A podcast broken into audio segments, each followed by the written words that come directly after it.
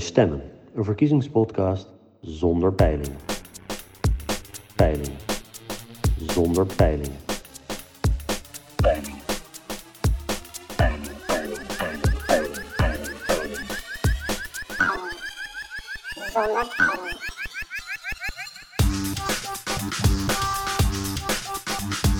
Stemmen, een verkiezingspodcast zonder peilingen.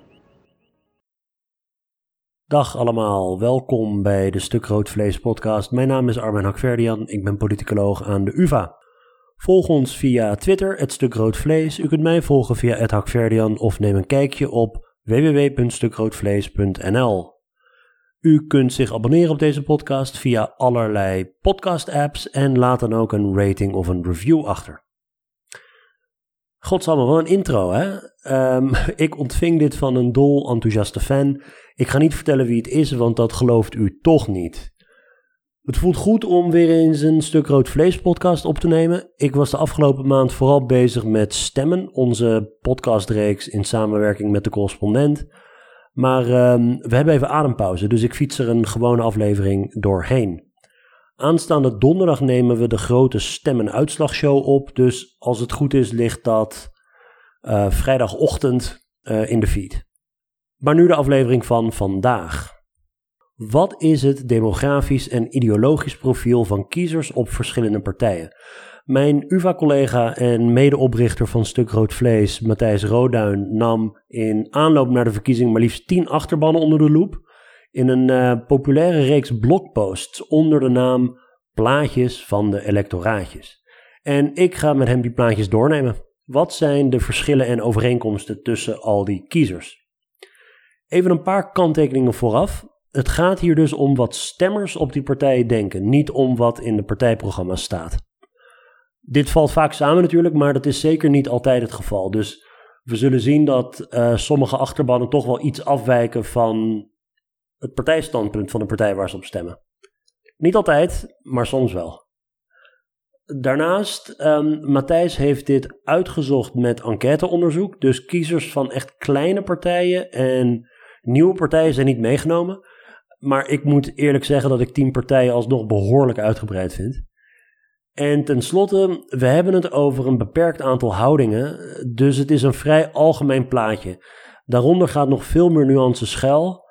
Um, maar die uh, standpunten die Matthijs heeft meegenomen zorgen er wel voor dat je vergelijkingen door de tijd kunt maken. En dat is lang niet altijd het geval als je gaat kijken naar echt heel gedetailleerde uh, beleidsvoorstellen.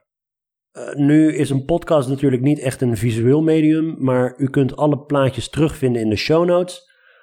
Ik zal linken naar de, uh, ja, naar de blogpost per partij, maar er zijn ook wat algemene figuren die volgens mij erg interessant zijn.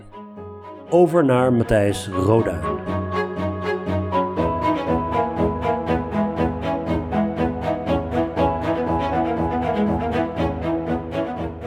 Goed, ik zit hier met Matthijs Roduin, medeoprichter van Stuk Rood Vlees. Matthijs, hoe is het?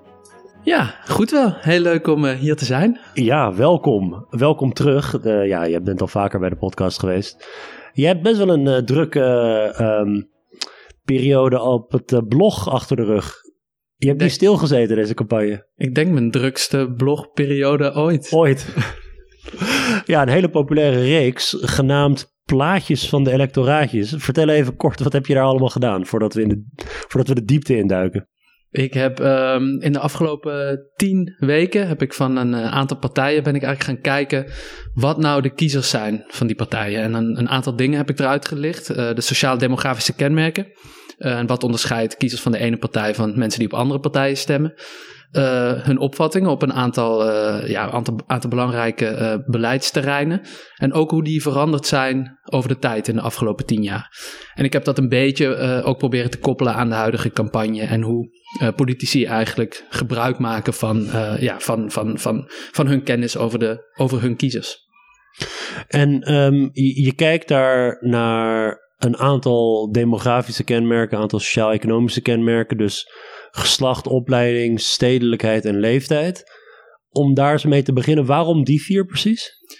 Nou, het is, voor een deel zijn het, hè, zijn het een beetje de standaard sociaal-demografische kenmerken. Um, ik heb uh, misschien Dus, uh, zeker geslacht leeftijd. Ik heb daarnaast voor opleiding en stedelijkheid gekozen, omdat je natuurlijk de laatste jaren, misschien wel decennium, decennia, is er ook best wel veel discussie over de, de, de, de kloof die er zou zijn op het gebied van stad-platteland.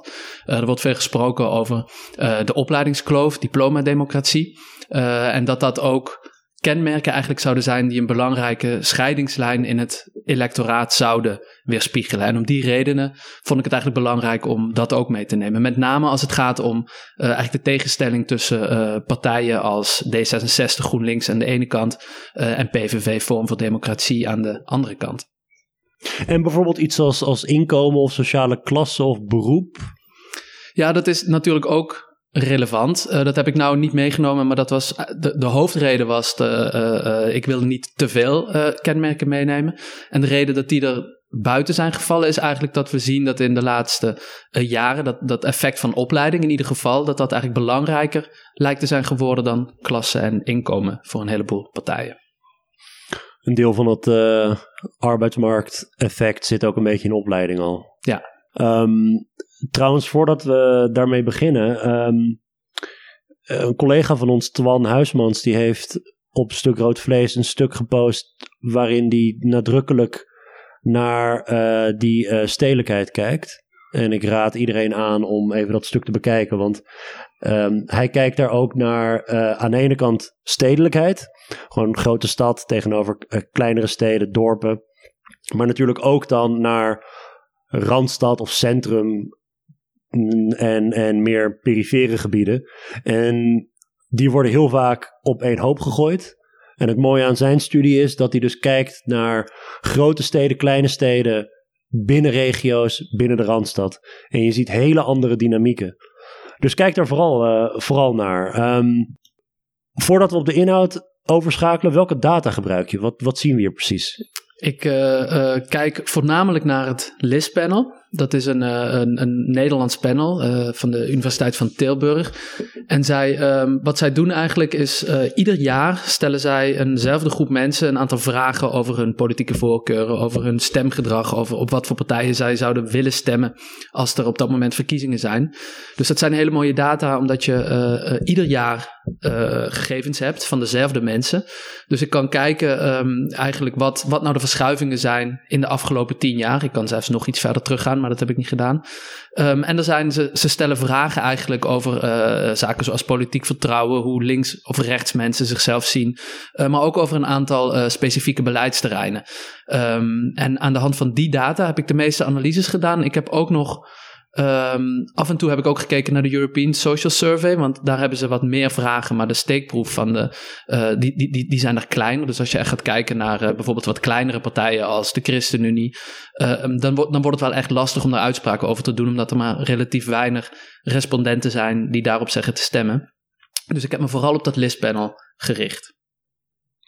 Ja, en omdat het dus enquêteonderzoek is, heb je eigenlijk altijd te maken met een welbekende beperking dat de echt kleine partijen, dat je die eigenlijk niet kunt meenemen, want daar heb je te weinig, ja, eigenlijk te weinig respondenten in je steekproef om, om gewoon betrouwbare uitspraken over te doen. Uh, maar toch, ik bedoel, ik moet zeggen, Partij voor de Dieren, ChristenUnie, die heb je allemaal meegenomen. Ja, dat was ook, de, dat was ook echt, uh, kleiner dan dat kon ik niet gaan, want dan zou ik niks, niks ja. Ja, over kunnen zeggen. Het is goed om te zeggen dat uh, het Nationaal Kiezersonderzoek deze keer uh, ook een steekproef heeft met mensen met migratieachtergrond. Bijvoorbeeld de denkaanhang is natuurlijk interessant om te onderzoeken. En met het oog op deze verkiezing natuurlijk ook bijeen. Ik weet niet in hoeverre de uh, enquêtes groot genoeg zullen zijn dat je ook echt um, ja, de bijeen uh, stemmer kunt vatten.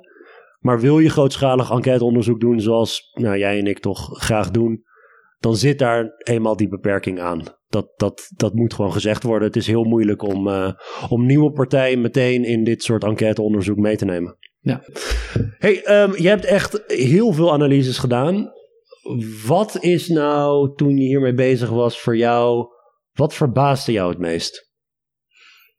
Poeh, um, wat verbaasde mij het meest? Ik denk, uh, wat, mij, wat ik het, het, het interessant vond eigenlijk altijd, dat dat waren de verschuivingen over de tijd. Dus uh, dat je uh, ziet bij sommige partijen en bepaalde opvattingen dat kiezers echt ehm, of dat de achterbannen van die partijen echt veranderd zijn over de tijd. Dat ze bijvoorbeeld economisch linkser zijn geworden, of cultureel cosmopolitischer, of uh, bijvoorbeeld ethisch progressiever.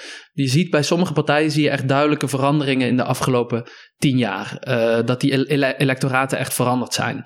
Um, dat vond ik heel interessant, ook omdat het een heleboel vragen oproept die ik nog niet heb kunnen beantwoorden. Ja. Die, die, die, verschuivingen kunnen door allerlei dingen ja. uh, komen natuurlijk. En dat heb ik niet specifiek kunnen onderzoeken. Um, maar ik vond het wel, ik, ik denk dat ik het, het vooral het leukste, het interessantst vond om te zien dat er, dat er echt wel duidelijke verschuivingen waren. Ja, want het kan zo zijn dat de achterban zelf is verschoven. Ja. Het kan ook zijn dat de achterban qua samenstelling is veranderd. Ja, precies. Dat zijn wel twee hele uh, interessante, maar ook andere mechanismen. Ja, en um, dat, dat zou je ook kunnen onderzoeken aan de hand van het uh, listpanel. Dat heb ik niet gedaan, want je kunt kijken naar hè, wel, welke mensen weggaan, welke mensen blijven. Uh, of de mensen die blijven, of die van mening veranderen, uh, of er mensen bijkomen. Um, en um, dat kun je dus onderzoeken aan de hand van het listpanel. Je kunt gaan kijken wat er nu voor zorgt dat die verschuivingen uh, uh, plaatsvinden. Dat heb ik nu nog niet gedaan, maar ik, uh, ik, ik, zou dat wel willen gaan doen. Maar ik ga, ik ga na deze verkiezingen eerst even, even wat rust pakken. Even ademhalen en daarna verder. Ja. ja. Um, als we nou beginnen met de allersimpelste vertegenwoordiging van de politiek, namelijk links of rechts. Je hebt hier een stuk of tien partijen. En in die enquêtes is gevraagd aan mensen op een schaal van 1 tot 10, waarbij uh, eh, 1 is links en 10 is rechts. Waar plaats je jezelf dan? En um, wat mij daar, daar opvalt als ik daar naar kijk, is dat je eigenlijk een heel, een heel voorspelbare rangschikking kijkt van links naar rechts. Waarbij je GroenLinks en SP Partij van de Arbeid, Partij voor de Dieren, de linkerkant, D66, en dan gaat het richting ChristenUnie, CDA, dan verschuift het dan een beetje rechts van het midden, richting PVV, VVD en Forum. Maar eigenlijk wel redelijk, uh, redelijk vloeiend. Niet zo van hier is een linksblok, daar is een rechtsblok. Nee, klopt. Eh, eh, dat, het eerste wat mij ook opviel is dat dit, dit weerspiegelt dus wat de kiezers van die partijen vinden van hun links-rechtspositie, zoals je, zoals je al, al aangeeft. En eigenlijk uh, ben ik het met je eens, is het eigenlijk ongeveer wat je zou verwachten. Wat je zou verwachten wat de linkse partijen zijn, wat de rechtse partijen zijn, wat in het midden zit. Maar um, ik ben het met je eens, het gaat, het gaat inderdaad vloeiend. Je ziet, uh, er zitten niet hele grote uh, verschillen tussen de opeenvolgende partijen. Um, ik denk wel, ik zou denk ik wel, als ik, dit, als ik het zo zie, um, een, een, je kunt wel denk ik een indeling maken tussen de echte linkse partijen, de rechtse partijen en de partijen die daartussenin zitten. Op basis van, van dit schema. En je ziet, hè, zoals je al zegt, wat, wat de linkse partijen zijn. Um, ik, in, in, in, als je hier gaat kijken, ik heb het nu ook weer over partijen trouwens, dat ga ik waarschijnlijk vaker doen. Ik bedoel altijd, als ik dat zeg, bedoel ik de kiezers. Ja. Um, de, uh, de D66-kiezers en de ChristenUnie-kiezers, die, die, die, die zitten echt duidelijk in het midden hier. Al verschillen die ook weer van elkaar. Um, en dat, dat vind ik eigenlijk wel interessant. En misschien het andere interessante wat ik, wat, wat ik hier zie is dat vaak of regelmatig wordt het CDA ook als een middenpartij uh, neergezet. Uh, weinig politicologen zullen dat denk ik uh, doen. Maar dit geeft aan dat als je naar de kiezers gaat kijken, dat het CDA, de, de achterban van het CDA eigenlijk zichzelf als behoorlijk rechts ziet. Ja, je komt hier natuurlijk meteen op de vraag: hebben al deze mensen die zichzelf links of rechts plaatsen, hebben die wel hetzelfde idee van wat links of rechts betekent. Ja. En dit is ook een discussie die natuurlijk in het, uh, in, in het vakgebied uh, al decennia raast. Ik zie mijzelf als een van de meer kritische stemmen over of links en rechts nou nuttige termen zijn of niet. Die zijn de afgelopen jaren enorm veranderd. Wat mensen denken, wat links en wat rechts is. Maar bijvoorbeeld het, het oude idee dat je extreem rechts hebt nou ja, de term zegt het al, partijen helemaal op de rechterflank. Dat verwijst niet per se naar het economische profiel van die partijen bijvoorbeeld.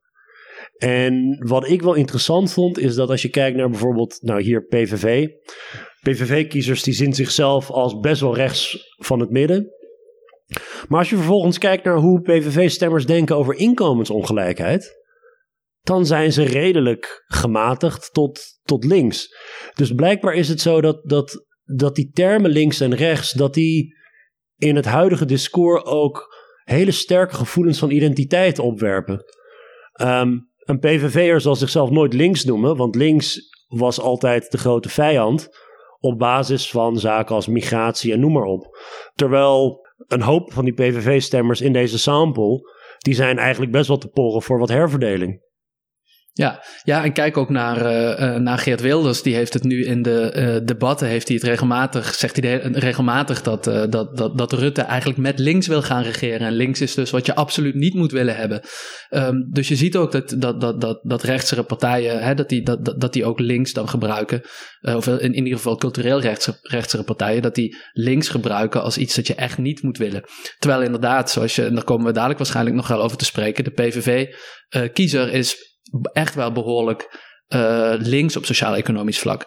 En ik denk ook, um, het is natuurlijk heel lastig, want uh, de achterbannen, zo, zoals je zegt, hebben waarschijnlijk ook hele andere zaken in hun hoofd. Dus als je gaat kijken naar de ChristenUnie en het CDA, die zullen bij het, de, de kiezers daarvan zullen bij het invullen van die vragenlijst misschien vooral ook denken um, aan ethische kwesties, als ze zichzelf als wat rechtser omschrijven dan andere, dan andere partijen. D66-stemmers waarschijnlijk vooral over economische uh, thema's. Want als het gaat om culturele thema's, dan hebben zij weer behoorlijk uh, linkse of cosmopolitische opvattingen. Um, dus het is heel goed mogelijk dat die verschillende achterbannen bij het uh, zichzelf als links of rechts plaatsen echt iets heel anders in hun hoofd hebben. Um, en ik denk dat, dat, dat, dat, dat je daar altijd rekening mee moet houden als je dit gaat analyseren. Het is een hele ruwe, een hele grove manier om partijen of kiezers in te delen. Ja, hetzelfde zie je eigenlijk ook voor de SP. De SP-achterban die vindt zichzelf uh, extreem links. Ja. Maar als je dan vervolgens te kijken naar de houding over immigratie, ja, dan plaatsen SP'ers zich redelijk gematigd in het midden. Dan is het helemaal niet zo'n linkse partij. Dus nee. SP'ers die hebben bij links-rechts hebben ze echt een soort van economisch beeld in hun hoofd. Ja. Ze vinden zichzelf links. Uh, en, en eigenlijk geldt het omgekeerde met, uh, met, met uh, Forum en PVV. Um, en voor mij toont dit eens te meer dat links-rechts weliswaar de meest simpele recht-toe-recht aan weergave is van politieke competitie. Maar dat je eigenlijk er niet om, omheen kunt eh, dat we moeten praten over meerdere dimensies van, van politieke competitie. Ja, zeker. ja. ja. Ja, als we gewoon kijken naar bijvoorbeeld een, uh, een concreter uh, standpunt, namelijk uh, hoe je aankijkt tegen inkomensongelijkheid. Dat is natuurlijk een heel specifieke invulling van wat economisch links of wat economisch rechts zou kunnen zijn. Je kunt op allerlei manieren mensen vragen stellen, ook over uitgavenpatronen van de overheid. En je kunt van alles erbij halen. Dat is ook, ook heel goed. Dat wordt ook in heel veel enquêtes gedaan. Deze vraag is alleen maar over uh, de mate waarin je inkomensongelijkheid ziet als iets wenselijks of onwenselijks. Daar komt het eigenlijk op neer. En um, wat mij hier opvalt is dat de meest rechtse partij achterban is de VVD. En de reden dat het me dat opvalt, het is eigenlijk heel erg in lijn der verwachting, want de VVD is economisch gezien een rechtse partij, marktgerichte partij. Um, maar in de huidige campagne gaat het iets te vaak over de VVD die linksig zou zijn. En als je dan naar zoiets kijkt, de achterban van de VVD, de meest rechtse partij van het land. Zonder enige twijfel. ze, staan twijfel. Ook, ze staan ook heel erg eh, echt duidelijk los van de rest. Als enige partij. Ik moet zeggen, de SGP zit er niet in. Ja, 21 ze, zat er nog niet in, omdat die bestond toen nog niet. Toen deze enquête werd, werd afgenomen. Mogelijk uh, zitten ze ook bij, bij, bij de, uh, zitten de kiezers daarvan ook bij de VVD in de buurt. Um, maar als je gaat kijken naar de, uh, naar de partijen die ik bekeken heb, is, is de, zijn de VVD-kiezers duidelijk, voor me duidelijk een uitzondering en zijn gewoon echt een stuk rechtser dan de rest. Ja, en ook de PVV hier, joh. Ik bedoel, dat, dit, dit zal uh, denk ik in de loop der tijd veranderd zijn.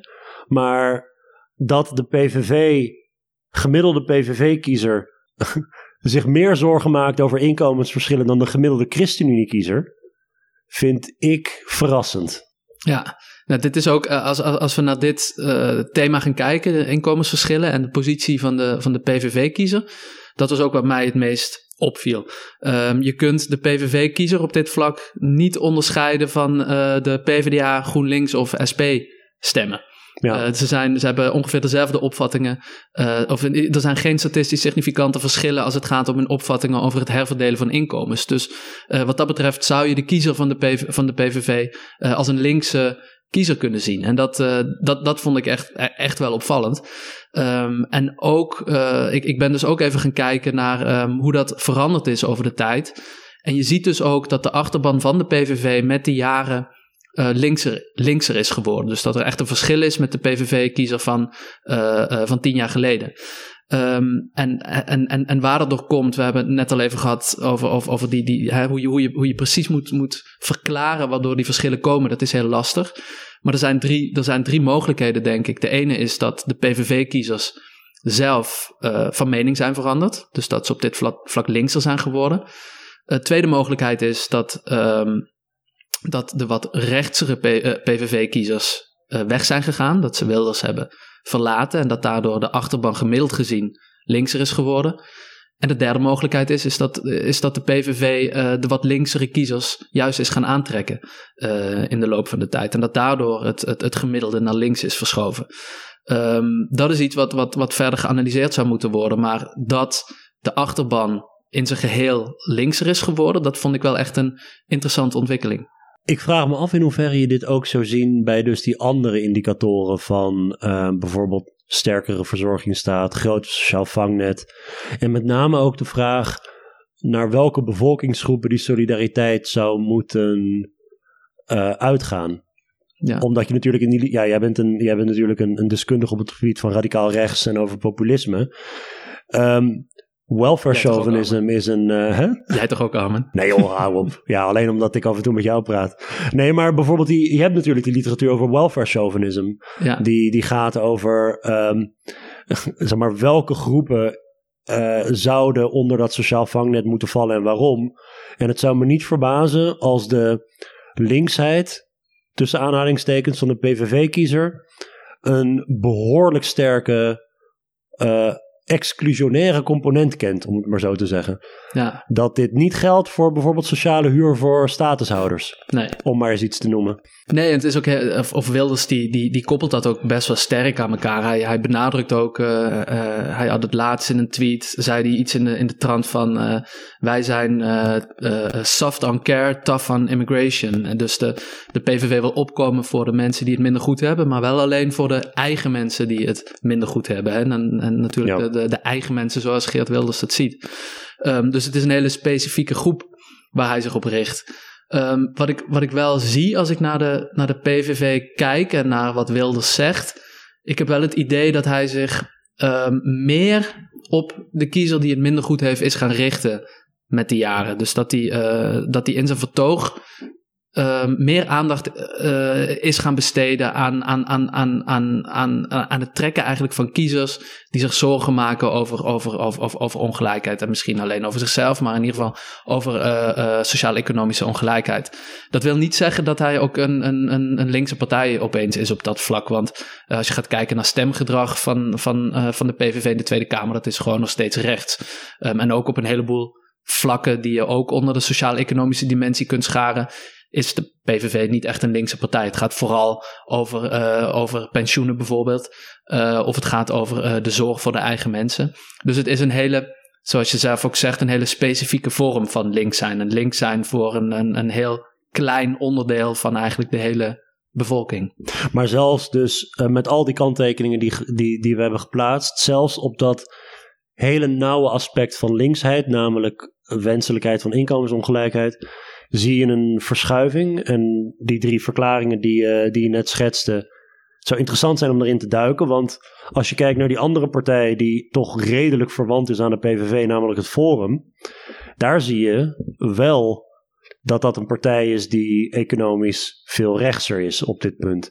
En het zou interessant zijn om te onderzoeken of dat inderdaad weggelopen PVV'ers zijn. Dat kan heel goed, want um, uh, er was een tijd dat de PVV leek onder te gaan aan de nieuwe concurrent. Dat is inmiddels wel anders. En het, forum heeft allerlei, allerlei issues uh, uh, waardoor ze kleiner zijn geworden. Je hebt nu ook Ja 21 weer erbij. Maar in ieder geval, het, is mogelijk dat um, vanwege die koers van Wilders de meer rechtse, rechtspopulistische kiezer naar het Forum is uitgeweken. Want het Forum is hier op de VVD na, economisch gezien, de meest rechtse partij. Ja, eh, wel belangrijk om even te benadrukken dat dit het forum is van voor uh, alle, uh, al het gedoe binnen de partij en eigenlijk het uiteenvallen van de partij. dus dit is het forum van, van pakweg een jaar geleden. Um, en daar zie je dus inderdaad dat, dat, dat forumkiezers qua, qua economische standpunten best wel lijken op D66, CDA-stemmers. Um, en dat ze duidelijk een stuk rechtser zijn dan PVV-kiezers, maar wel weer een stukje linkser dan VVD. Uh, kiezers. Ja. En het, ja, het is, het, ik, ik, ik denk ook dat uh, dit, dit, dit, is natuurlijk te analyseren aan de hand van die kiezerstromen, maar het is goed mogelijk dat Forum uh, een, een, een combinatie is voor een deel van ontevreden VVD-kiezers en ook een aantal wat economisch rechtsere, misschien PVV-stemmers die weg zijn gegaan bij de, bij de PVV. Um, maar dit zijn hele interessante bewegingen. En er gebeurt nu natuurlijk weer van alles door de, door, het, uh, door de chaos die er is geweest bij Forum. En bij het nu opkomen van Ja 21, die, uh, die het ook aardig doen in de peilingen. Um, dus er is van alles gaande op radicaal rechts. En het, het, het, het interessante voor ons als politicoloog is denk ik ook dat die radicaal rechtse partijen en hun achterbannen heel erg verschillen met betrekking tot hun sociaal-economische opvattingen. Een, um, een, een kanttekening die ik eigenlijk uh, wilde plaatsen ook bij het geheel van deze plaatjes van de electoraatjes, als ik zo vrij mag zijn, is natuurlijk dat we het hier hebben over posities. Dus het gaat over uh, standpunten van mensen, maar het gaat niet over wat ze belangrijk vinden. En dat is een aspect dat volgens mij niet te onderschatten valt, want we kunnen het tot in de lengte der dagen hebben over verschuivingen op dat economische terrein van deze partijen. Uiteindelijk als puntje bij paaltje komt, is dat niet waarom mensen op die partijen stemmen. Dus misschien is dit allemaal, dit zijn allemaal interessante bewegingen. Maar in een optelsom van overwegingen waarom mensen zich aangetrokken voelen tot PVV of Forum, speelt dit echt een marginale rol. Ja, absoluut. Dus het, uh, de, de mensen die op, uh, op deze partijen stemmen, uh, dat weten we, de mensen die op radicaal rechtse partijen stemmen, doen dat eigenlijk Vooral vanwege de opvattingen van die partijen op culturele issues. Misschien op het gebied van politieke issues, omdat ze ontevreden zijn met het functioneren van de politiek. Maar sociaal-economische onderwerpen spelen een veel minder belangrijke rol. Dus uh, dat is absoluut iets dat in deze, in deze plaatjes niet aan de orde komt, maar van essentieel belang is bij het analyseren van stemgedrag. Namelijk, uh, wat vinden kiezers belangrijk? Dat speelt een, een, een doorslaggevende rol. En hier is denk ik ook interessant Um, dat als je gaat kijken naar, uh, nou daar hebben we het eigenlijk nog, niet, nog helemaal niet over gehad, maar de reden dat Geert Wilders, uh, waarom ik vermoed dat Geert Wilders um, wat meer is gaan praten over mensen die het minder goed hebben en dat welfare chauvinisme een belangrijke rol is gaan spelen bij hem, is dat hij uh, uh, weet dat, wat wij politicologen ook al decennia weten, dat er heel veel kiezers zijn die sociaal-economische opvattingen combineren met sociaal-culturele rechtse opvattingen. Er is een hele grote electorale markt en er zijn eigenlijk nog steeds niet echt partijen die daar zitten. Um, en volgens mij zie je heel duidelijk dat, dat de PVV probeert om daar wel enigszins naartoe te bewegen, om kiezers uit die groep te trekken eigenlijk. De SP heeft dat ook enigszins gedaan. Um, en uit onderzoek weten we dat mensen die daar zitten, mensen die sociaal-economisch links zijn en sociaal-cultureel vrij rechts zijn, um, dat die op een partij als de SP stemmen op het moment dat ze economische onderwerpen vooral heel belangrijk vinden. En dat ze op een partij als de PVV stemmen op het moment dat ze die culturele onderwerpen heel belangrijk vinden. Um, dus daar zie je inderdaad dat de opvattingen die je hebt, die spelen natuurlijk een rol. Maar wat je belangrijk vindt als kiezer, dat speelt zeker net zo'n belangrijke rol. Want dat kan uiteindelijk de doorslag geven of je op een SP of een PVV stemt. Twee partijen die best wel ver uit elkaar staan op een heleboel vlakken. Nou, nu we het toch hebben over uh, immigratiehoudingen, houdingen jegens, jegens een multiculturele samenleving ook. Daar zijn natuurlijk veel vragen over in enquêtes. En je ziet hier wel een beetje een, uh, een, een, een patroon van Forum en PVV aan de ene kant. En dan um, de rest aan de andere kant. En dan binnen de rest heb je natuurlijk ook allerlei schakeringen. Uh, van GroenLinks eigenlijk uh, in het meer progressieve kamp tot de VVD in het meest, meer, meer, meer conservatieve kamp. Maar je ziet hier wel echt een scheiding tussen Forum PVV tot ja, eigenlijk de rest. En bij de rest zijn die zijn die verschillen eh, kleiner. Dus het verschil tussen de GroenLinks-kiezer en de VVD-kiezer is ongeveer even groot als die tussen de VVD-kiezer en de PVV-kiezer. Ja. Dat is interessant. Ja. Ja, klopt. Eigenlijk wat je hier ziet is, die, is, is het eerste wat je ziet is die tweedeling. Dus echt die, die twee partijen ten opzichte van de rest. Ehm, en als je daarna specifiek naar die categorie rest gaat kijken, dan zou je daar ook nog een tweedeling kunnen maken tussen de uh, meer cosmopolitische partijen, dat zijn dan GroenLinks, PvdA en D66, en de uh, partijen die wat uh, rechtser zijn, wat nationalistischer zijn, zoals de SP, ChristenUnie, CDA en VVD, maar nog lang niet lang niet zo nationalistisch zijn als, als Forum of de PVV. En Partij voor de Dieren zit er trouwens een beetje tussenin, tussen die linkse partijen en die partijen meer in het midden. Um, en wat, wat ik hier trouwens aan dit, als het gaat om immigratie, wat ik hier heel opvallend vond, is dat uh, als je dus uh, puur en alleen naar opvattingen over, over immigratie gaat kijken, dat PVV-kiezers eigenlijk nauwelijks verschillen van VVD-kiezers. Sorry, nee, sorry, even herhalen. Dat de SP-kiezers nauwelijks verschillen van de VVD-kiezers. Ja. En ik denk niet dat iemand als Bente Becker, die toch wel echt heel, heel rechts uit de hoek komt als het gaat om asiel- en immigratiebeleid, um, dat die bij de SP bijvoorbeeld op dat gebied bondgenoten zou kunnen vinden. Maar nogmaals, dit gaat niet over wat de partijen doen, dit is wat de kiezers vinden. Ja. En die kiezers op de SP en op de VVD zijn op dit punt mm, eigenlijk niet te onderscheiden. Nee, en dat is, nou ja, het is natuurlijk, voor een, het, het, het viel me op, al, al is het ook niet heel onverwacht dat de SP-kiezer zich echt wel heel duidelijk onderscheidt van de andere linkse partijen, GroenLinks en de PvdA. Er is echt wel een groot verschil tussen die twee, uh, of tussen die drie groepen eigenlijk. Aan de ene kant GroenLinks en PvdA, andere kant de SP-kiezer.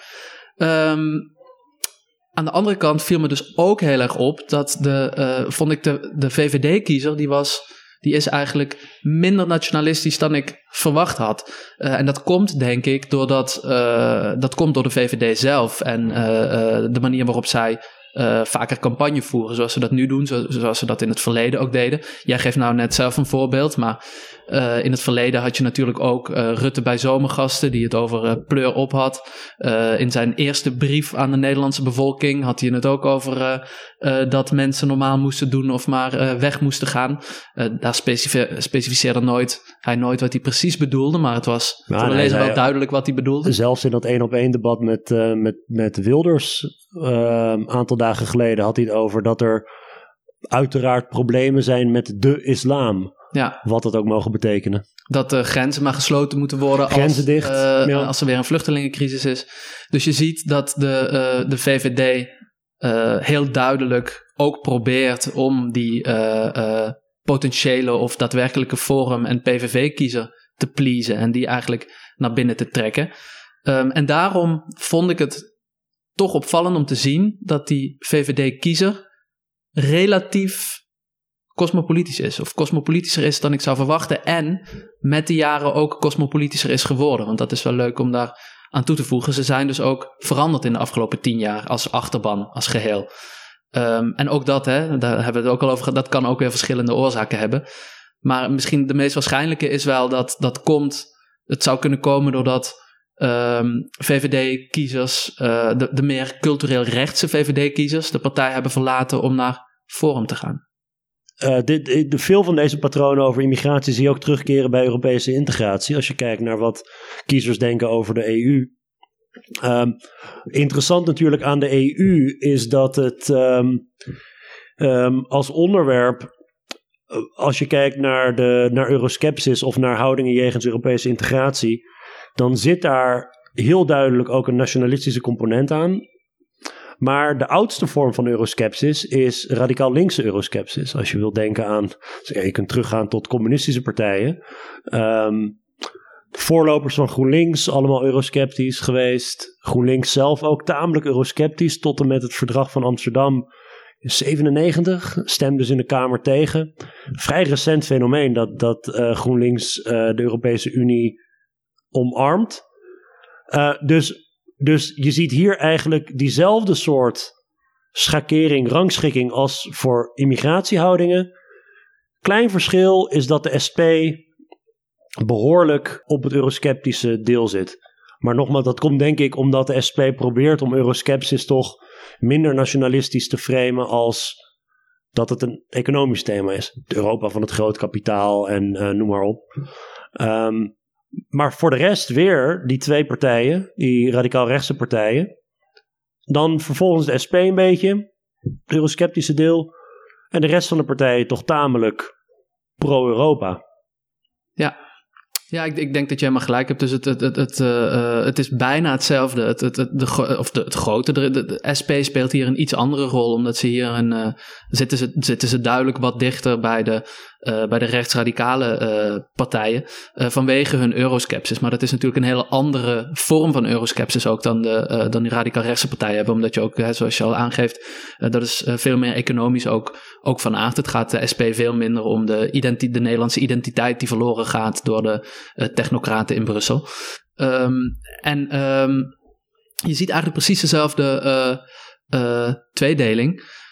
wat, ik hier, wat ik hier ook wel uithaalde, wat ik interessant vond, is um, de positie van de Partij uh, voor de Dieren. Ja. Uh, omdat dat een behoorlijk eurosceptische partij is. Maar de, uh, sorry, de, de, positie van de kiezer van de Partij voor de Dieren, die is dus maar, behoorlijk cosmopolitisch op dit vlak. Die is niet sterk eurosceptisch. Um, en, en dat viel me eigenlijk wel op. Er lijkt een soort een kleine mismatch te zijn tussen de PVDD-kiezer en de PVDD-partij op dat vlak. Ja. En dat vond ik wel opvallend.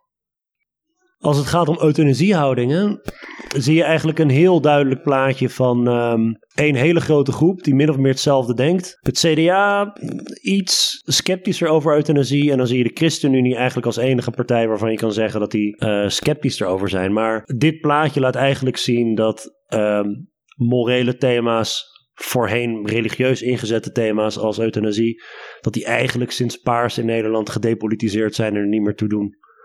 Ja, ja, je ziet, het eerste dat opvalt is dat, dat, dat eigenlijk alle partijen die ik bekeken heb, behalve CDA en ChristenUnie, ze hebben ongeveer hetzelfde idee hierover. Namelijk, ze zijn heel progressief. Uh, euthanasie moet mogelijk zijn als een patiënt daarom vraagt, in hele sterke mate.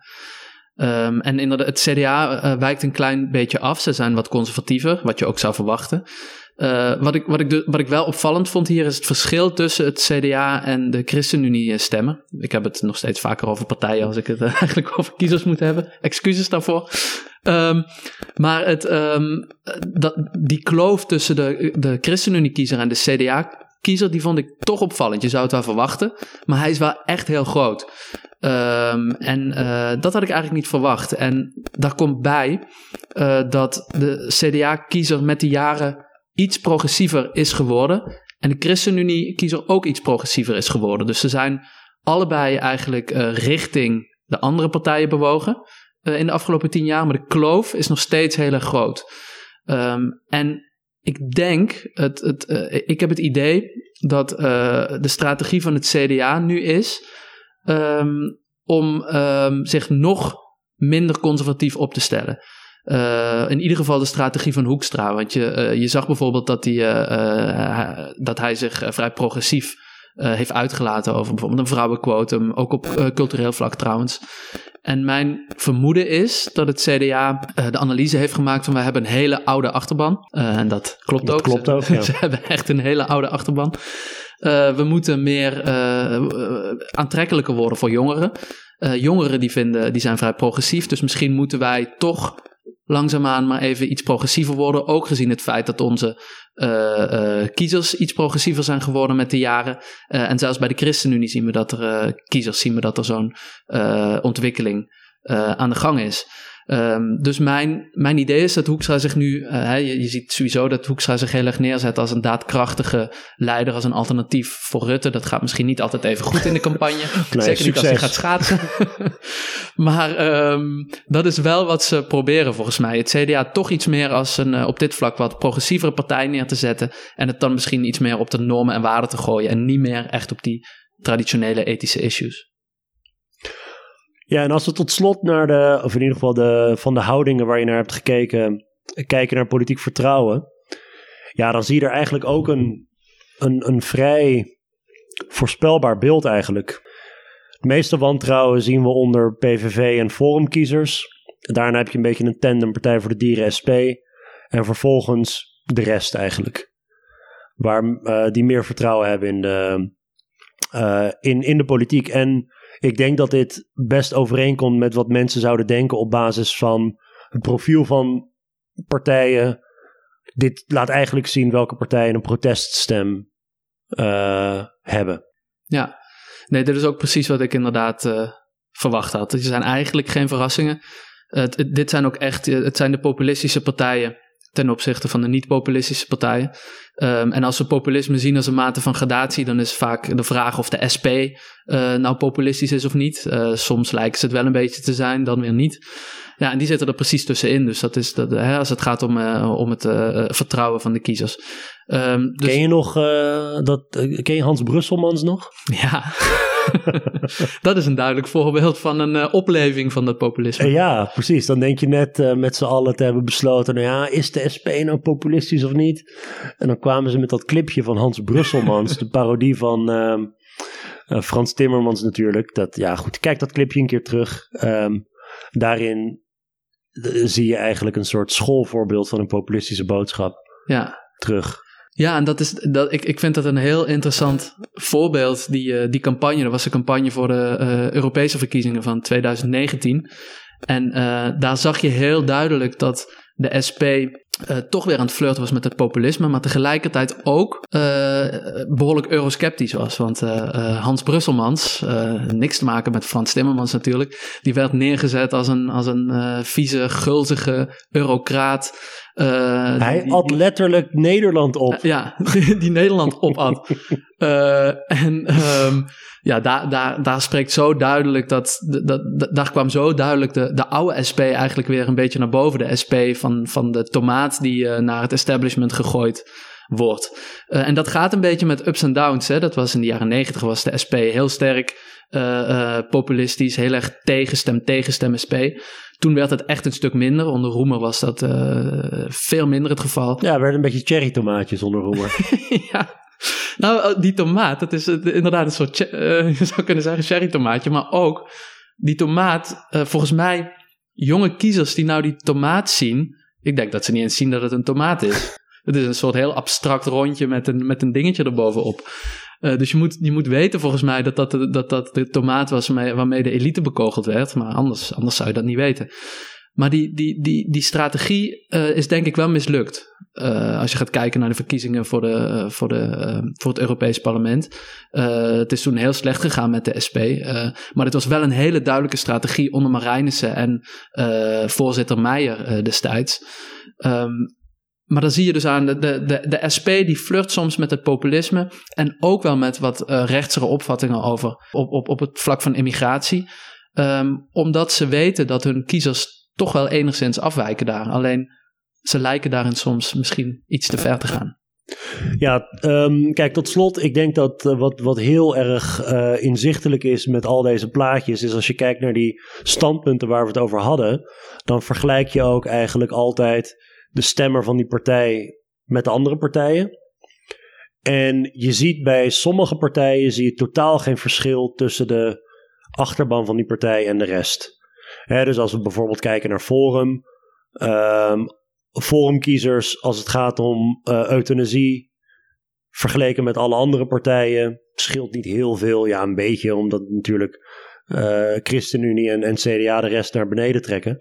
Maar je ziet op sommige onderwerpen heel duidelijke verschillen. En dat zie je met al die partijen die je na bent gegaan. En daar, dat is al een klein beetje een indicator van welke van deze factoren nou van belang zijn voor de stemkeuze dus ook bijvoorbeeld bij, uh, bij de PVV.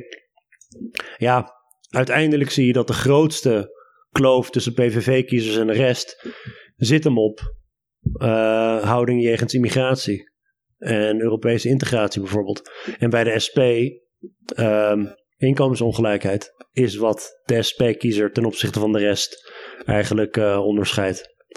Misschien even tot slot, hè. Um, speculerend, want dat mag ook best, vind ik. De kans is aanzienlijk dat we straks na uh, eh, 15 maart dat we een aantal nieuwe partijen in de Kamer krijgen. En Volt is er een van. Ja, 21 is er een van.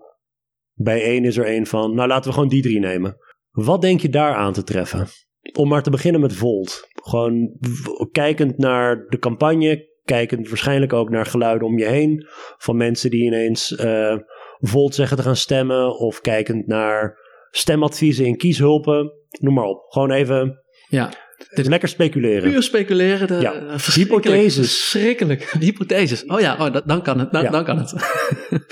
um, ik de, Volt, dat, dat is natuurlijk een pan-Europese uh, partij. Die, die, die dus heel erg uh, um, niet vanuit de nazistaat wil denken. Uh, dus dat is een partij die, denk ik, aantrekkelijk is voor de wat jongere, hoogopgeleide kiezer. Die vrij cosmopolitisch is ingesteld. Um, en uh, qua sociaal-economische opvattingen weet ik het niet zo heel goed. Ik heb het idee dat ze iets in het midden zitten. Dus ik denk dat dit een partij is die met name concurreert met D66 en misschien PvdA en GroenLinks ook wel. vooral vanwege wat natuurlijk het belangrijkste van deze partij is, is dat, dat, dat zij een, een, een nieuw geluid als een, als, een, als een echte pan-Europese partij laten horen en op dat vlak dus heel cosmopolitisch ook zijn, of in ieder geval Europees uh, zijn.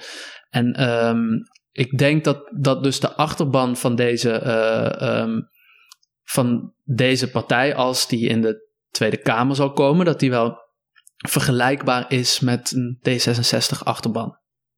Ik ben wel benieuwd wat kernenergie uh, voor rol speelt. Want Volt is dus de enige van die partijen ja. die niet uitgesproken voorstander is, maar die kernenergie niet uitsluit. Ja. En dat is wel een trendbreuk met die andere partijen. Maar ik weet niet of dat een thema gaat worden.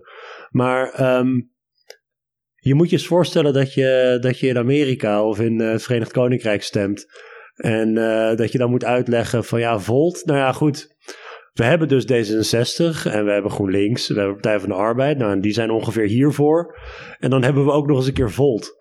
Dan denken die van ja, is daar een markt voor? Ja. Terwijl ongetwijfeld, ik ben heel benieuwd wat je gaat krijgen als je kijkt naar kiezersonderzoek. Waar de Volt-kiezer, op welke punten onderscheidt hij zich nou van een aantal van de partijen waar we het over hebben gehad? Ja. Het zullen hele kleine nuanceverschillen zijn. Dat denk ik ook. En ik denk, uh, kijk, het is natuurlijk, het is een, dat, dat, dat pan-Europese, ik denk dat dat, dat is iets nieuws. Dat is iets wat, wat, wat, wat kiezers, jonge kiezers misschien interessant vinden, omdat zij uh, D66 en misschien en, en, de PvdA en misschien zelfs ook al GroenLinks een beetje met, met, met, als, als oude partijen zien en dat, dat Volt zien ze als, een, als iets nieuws. Uh, maar ik denk, ik ben, ik ben het met je eens. Ik, ik, ik zou heel benieuwd zijn uh, naar wat, als je nou echt gaat kijken naar wat precies hun opvattingen zijn, wat de thema's zijn die de kiezers belangrijk vinden, in hoeverre die heel anders zullen zijn dan, uh, dan, dan als je gaat kijken naar, naar mensen die op GroenLinks of D66 stemmen. En ja 21? Ja 21 um, is een uh, populistisch radicaal rechtse partij. Het is, het is, heel duidelijk, hè, het is heel duidelijk dat ze voortkomen uit Forum voor Democratie. Ze hebben uh, eigenlijk vrijwel dezelfde standpunten als het gaat over immigratie, als het gaat over klimaat ook. ze zijn heel erg wantrouwig tegenover de politiek.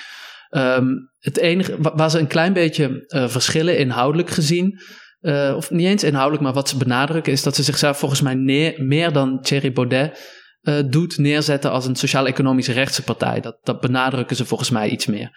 Um, dat is misschien een klein verschil. Het andere verschil is dat zij zichzelf als een hele degelijke partij neerzetten. Ze, ze willen het, uh, de, de degelijke versie van Forum voor Democratie zijn. Een, uh, een, een, een, partij waar mensen die iets rechts van de VVD zitten op zouden kunnen gaan stemmen. En ik denk dat zij. Um, dat, dat de kiezers die zij trekken, dat dat met name kiezers zijn die weg zijn gelopen bij, uh, bij Forum. Uh, misschien een enkele PVV-stemmer, maar uh, ze profileren zich toch wel echt anders, met name op dat sociaal-economische terrein. En ook zetten zij klimaat volgens mij veel meer centraal. Um, en het zou wel kunnen dat zij toch de, de, de wat cultureel rechtsere VVD-stemmer weten te verleiden, voor wie Forum of de PVV toch nog een brug te ver was. Hoewel ik niet denk dat inhoudelijk gezien uh, hun standpunten zo sterk verschillend zijn. En tot slot bij één. Bij één, uh, denk ik, uh, concurreert in vooral met, met een partij als GroenLinks. Het is natuurlijk een partij die op sociaal-economisch vlak behoorlijk links is. ik denk vergelijkbaar met, met de SP. Maar vooral de nadruk legt in de campagne op culturele issues. vooral het antiracisme is voor die partij natuurlijk heel erg belangrijk. Ehm, en ik denk dat met name de stedelijke, hoger opgeleide kiezer ehm, die culturele issues, met name discriminatie, racisme, heel erg belangrijk vindt. Dat zij zich aangetrokken zullen voelen tot deze partij. En ja, en dat, en dat, dat misschien ook wel D66-stemmers, ehm, maar in veel mindere mate, omdat uh, volgens mij het programma van Bijeen op economisch vlak echt behoorlijk links is. En, uh, en, en, en we weten van de D66-kiezer uh, dat, dat het grote verschil met bijvoorbeeld GroenLinks is dat, dat, dat die kiezer echt een stuk rechtser is op economisch vlak. Ja, ik denk dat bij één uh, ook op economisch gebied behoorlijk links is van de partijen die we, die we nu in de Kamer hebben zitten. Maar wat interessant is, is dat ze ook zo anders zijn dan, dan Denk. Ja. Dus um, ja, Sylvana Simons zat natuurlijk eerst bij Denk, is daar weggegaan. Um, de Denk-achterban is interessant omdat die dus best wel conservatief zijn op ethisch vlak. Um, zeker de huidige denkachterban. En daar moet een partij als Bijeen natuurlijk helemaal niks van hebben. Nee.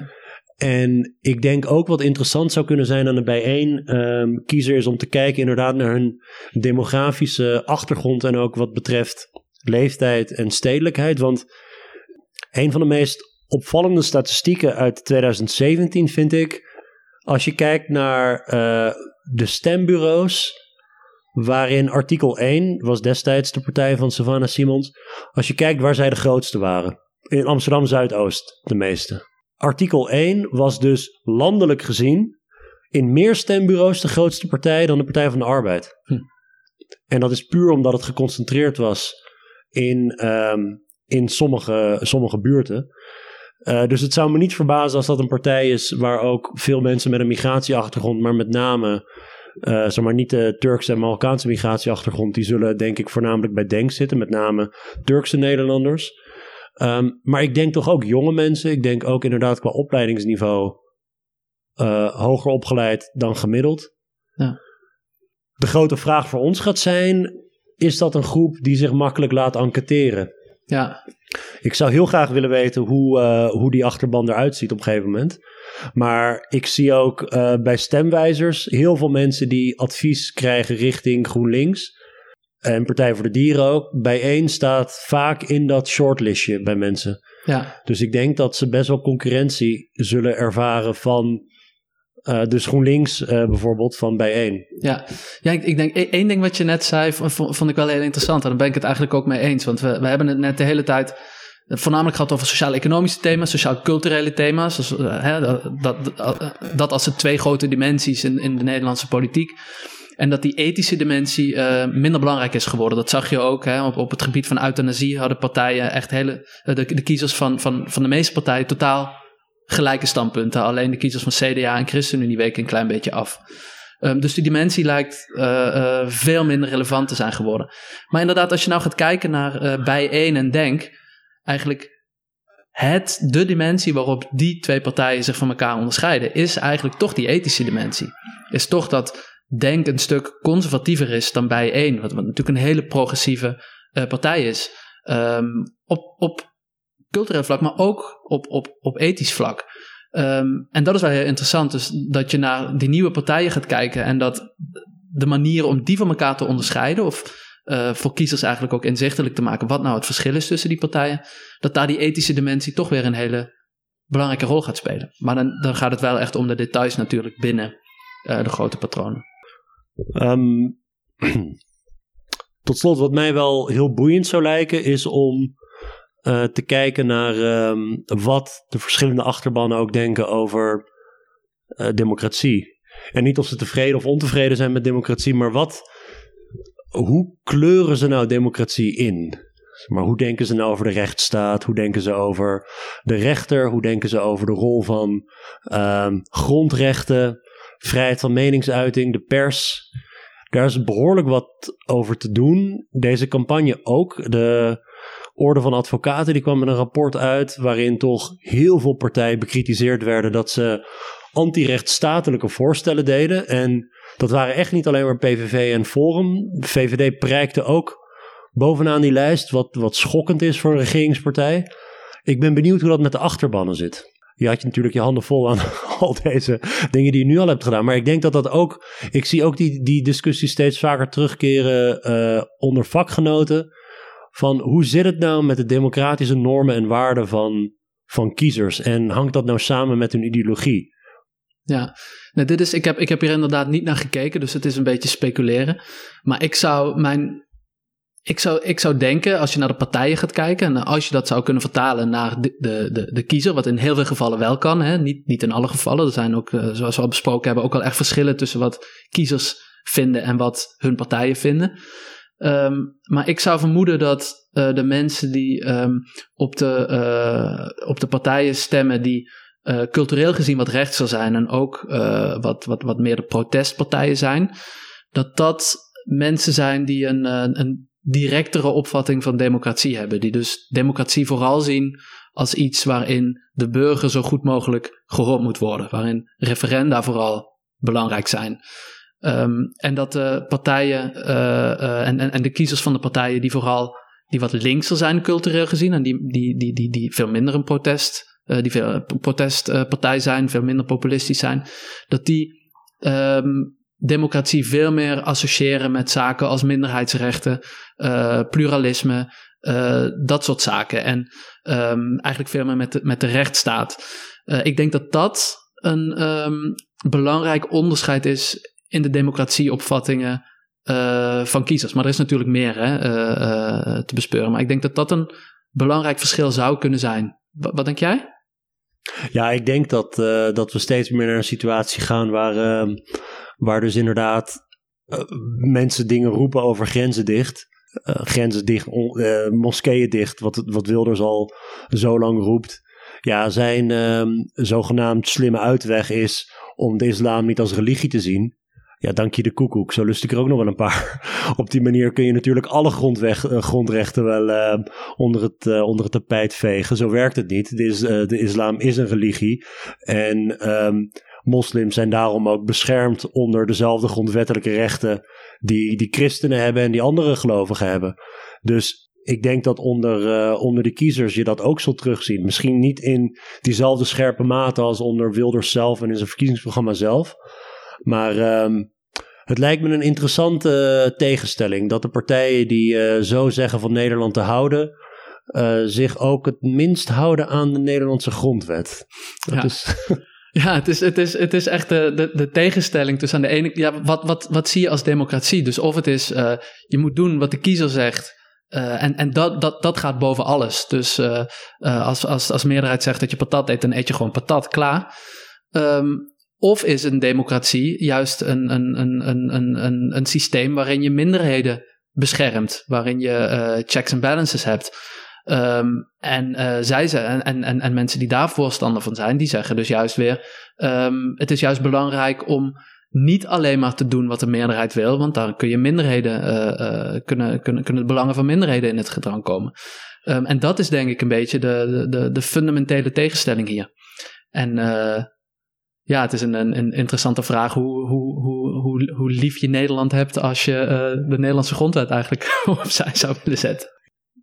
Matthijs, dankjewel voor je tijd. Graag gedaan. Uurlang gepraat over plaatjes en dat voor een podcast. Maar vrees niet, ik ga in de show notes een link plaatsen waarin u zelf in alle rust kunt kijken naar alle uh, plaatjes, de demografische en ideologische profielen van de partijachterbannen. Um, ja, het was goed om weer eens een keer een stuk rood vlees podcast op te nemen tussen alle eh, afleveringen stemmen in. De komende tijd gaat het weer iets rustiger zijn met de Stuk Rood Vlees podcast. Want dan wordt het weer stemmen wat de klok slaat. Maar uh, als dat eenmaal voorbij is, dan uh, gaan we weer gewoon verder met de Stuk Rood Vlees podcast. Bedankt voor het luisteren en tot de volgende keer.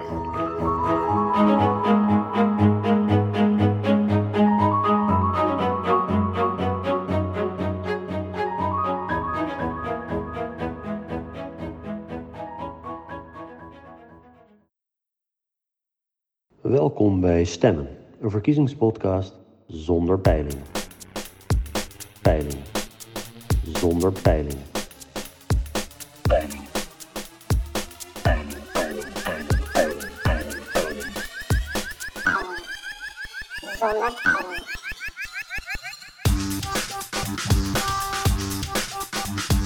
Stemmen, een verkiezingspodcast zonder peilingen.